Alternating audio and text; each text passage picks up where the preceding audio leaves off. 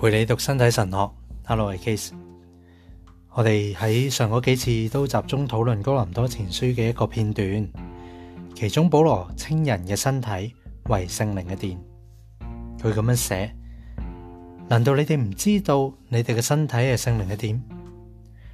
呢个圣灵系由你哋喺上帝而得来嘅，住喺你哋入边，而你哋已经唔系属于自己嘅身体啦咩？属于自己噶啦咩？你哋原系用重价买翻嚟嘅。你哋唔知道你哋嘅身体系基督嘅肢体咩？使徒指出，基督所成就嘅肉身嘅救赎呢个奥秘，产生咗一种具体嘅道德责任，就使基督徒致力持守纯洁。保罗喺其他嘅作品入边，将纯洁呢一种德行界定为必须以圣洁同埋敬意去持守自己嘅身体。咁呢个喺帖撒罗尼加前书啦，四章。然而啊，如果我哋冇注意到救赎嘅奥秘，亦都用神恩嘅方式喺人身上产生果效，就冇办法完全明白保罗文中所在嘅丰富思想啦。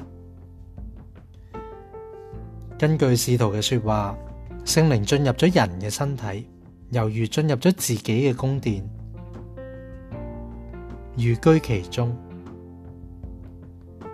并用神恩嘅工作。呢个神恩喺灵修历史入边咧，又称为圣灵嘅七个恩典啊。咁就参考《二错书》十一章二节啦。其中咧，同纯洁嘅德行最相符嘅咧，相信咧就系孝爱之恩，即系 piety 啊。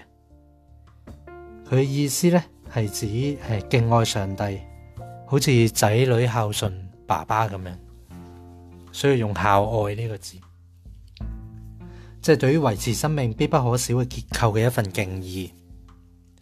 咁又可以理解為敬愛上帝嘅一個恩典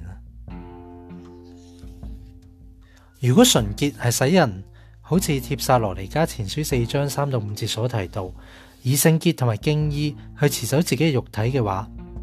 咁孝爱即系敬爱呢个圣灵嘅恩典，就有特有嘅方式去做人实践纯洁，使身为主体嘅人能够察觉到人嘅身体系因住创世嘅奥救赎奥秘所获得嘅尊严。保罗话：难道你哋唔知道你哋嘅身体系圣灵嘅宫殿，而你哋已经唔系属于自己嘅啦咩？因住。孝爱呢个恩典，或者系敬爱呢个恩典呢保罗呢一番嘅说话就具有一种由经验而嚟嘅说服力啊，并成为真实嘅存在，同埋经实践嘅真理喺生活入边咧发挥作用。呢啲嘅话语使人得以充更加充分咁样去体验身体嘅配偶性意义，以及与之相关嘅交付嘅自由，其中展示咗纯洁。最深层嘅面貌，同埋佢同爱之间嘅基本关系，即系纯洁同爱之间嘅基本关系。虽然呢，以圣洁同埋敬意去持守自己肉体嘅方式呢，系戒绝淫乱，而呢个系不可或缺嘅添。但系咁样往往亦都可以从更深刻嘅爱嘅经验入边呢，去产生效果嘅，即系话唔系就系戒绝。淫乱咧可以经历到敬意同埋圣洁，喺爱入边咧都可以经验到圣洁同埋敬意嘅。按照上帝自己形象同埋模样呢一个爱嘅经验，系自起初就已铭刻咗喺整个人入边啦，因而咧亦都铭刻咗喺人嘅身体之上。为此，保罗喺哥林多前书第六章以一个重要嘅劝诫总结佢嘅论述。所以，务要以你哋嘅身体去荣耀上帝。纯洁系以圣洁同埋敬意去持守自己肉体嘅德行或者能力，连同圣灵寓居喺成为电嘅身体入边所产生嘅效果啦，即系嘅孝爱之恩啦，或者敬爱上帝嘅恩典啦，即系纯洁连同孝爱，为身体赋予咗位制关系入边咧完整嘅尊严。因而使到上帝自己都受享荣耀，因为人就反映咗上帝嘅嗰个肖像。咁人可以喺纯洁同埋喺敬爱上帝入边，都系荣耀上帝自己。纯洁系人嘅身体喺上帝面前散发嘅一种光荣。呢个系上帝喺流露男女两性特质嘅人。嘅身體上面咧，所彰顯出嚟嘅榮耀、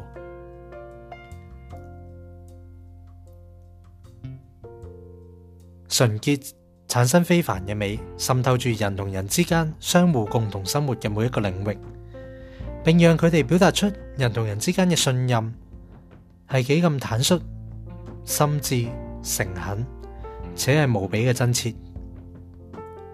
我哋稍後咧會去盡心討論呢個話題啊！会喺身体神学嘅第八十九次讨论啦，同埋一百三十几次嘅讨论入边呢，会再讲即系爱入边纯洁同埋圣灵诶敬爱上帝之间嘅关系啦，同埋诶呢个系贯穿身体神学嘅主线，大教少人知嘅，但好值得深入探讨啊。又或者分析诶婚姻点解系反映上帝嘅时候呢，就会更加去讨论而家。俾我哋简略咁去参考一下旧约，保罗嘅教导指纯洁系随从圣灵生活，呢个教导似乎同旧约嘅智慧文学都有一定嘅连贯性啊。即系唔系净系保罗讲啊，旧约嘅智慧文学咧都有咁样嘅诶教导。举例话，我哋咧可以喺以下嘅土文所祈求嘅见到。正系思想、言語、行為方面嘅純潔。咁呢，呢个系嚟自便西拉自信嘅廿三章嘅。话上帝啊，天父，我生命嘅诶上主，唔好俾土腹嘅食欲同埋肉肉嘅烈火去統治我，亦都唔好俾我有一顆無恥愚昧嘅心。呢段经文喺事实上。纯洁系寻找智慧同埋跟随智慧嘅前提啊！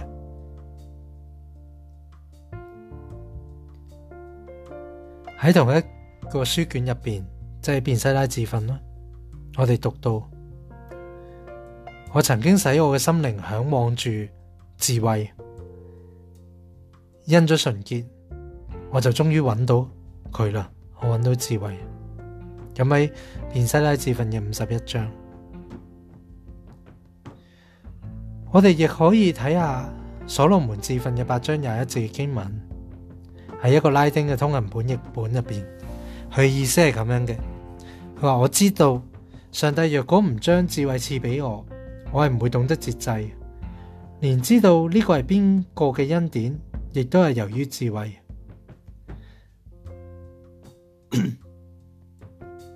根据呢个思想，纯洁呢唔系智慧嘅前提嚟嘅。即系唔系先有纯洁再揾到智慧，反之纯洁既系上帝特别嘅恩赐啦、恩典啦。智慧先至系纯洁嘅前提。认识上帝你一个智慧系要达到纯洁之前要做到嘅事，咁就系纯洁嘅前提啦。睇嚟喺刚才。早喺刚才引述嗰个智慧文学嘅经文入边，已经可以见到纯洁有个双重嘅意义。佢既系一个德行嚟嘅，要做出嚟嘅，但亦都系一个恩赐、恩典嚟嘅，系受父去受赐予德行系为咗实践智慧，而智慧咧就使人领受嚟自上帝嘅恩赐。呢个恩赐咧会加强咗德行。使人用智慧去享受纯洁嘅行为同埋生活所带嚟嘅美果。基督喺登山宝训嘅白福入边提到，心入边洁净嘅时候，从末世嘅角度去强调见到上帝就系纯洁嘅效果啦。同样，保罗都解释纯洁，伸展到现世生活嘅各个领域。佢咁样话，佢话喺。提多书一章咁样讲，对于洁净嘅人嚟讲，一切都系洁净啊！但系对于嗰啲坏人啊、败坏咗嘅，同埋冇信仰嘅人，冇一样嘢系洁净嘅，就连佢哋嘅理性同埋良心都系污秽嘅。咁样嘅人自称认识上帝，但系喺行为上面呢，佢系背道而驰嘅，系否认上帝。呢啲嘅说話既可以指廣義嘅純潔啦，但係佢同樣都指到狭义嘅純潔，道出每一個道德善嘅特有標記。亦即係話，根據我哋嘅討論整體而言所得嘅結論，保羅喺帖撒羅尼加前書四章、加哥林多前書六章提到嘅純潔，應該理解為隨從聖靈生活。就保羅嘅觀點嚟講，佢基礎係喺聖靈入边重生。嘅人学，即系人系咩呢？就喺圣入圣灵入边重生嘅。要呢个嘅就系个基础嘅观点，系因为咁样，人先可以随住圣灵生活，先至可以搵到纯洁，先至认识到智慧。呢个人学系植根于基督所成就嘅肉身救赎嘅现实，而救赎最终嘅体现呢，就系复活啦。纯洁嘅整个主题同埋福音入边，耶稣受诸复活嘅说话咧就会有关系啦。背后咧确实有一个深层嘅原因嘅。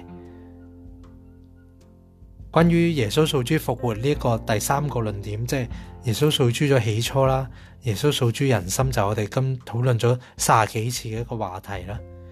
咁第三个话题就系耶稣受诸复活，我哋会喺下一个阶段去提到。而家我哋嘅探讨重点系纯洁同埋肉身救赎。之间道德观嘅关系，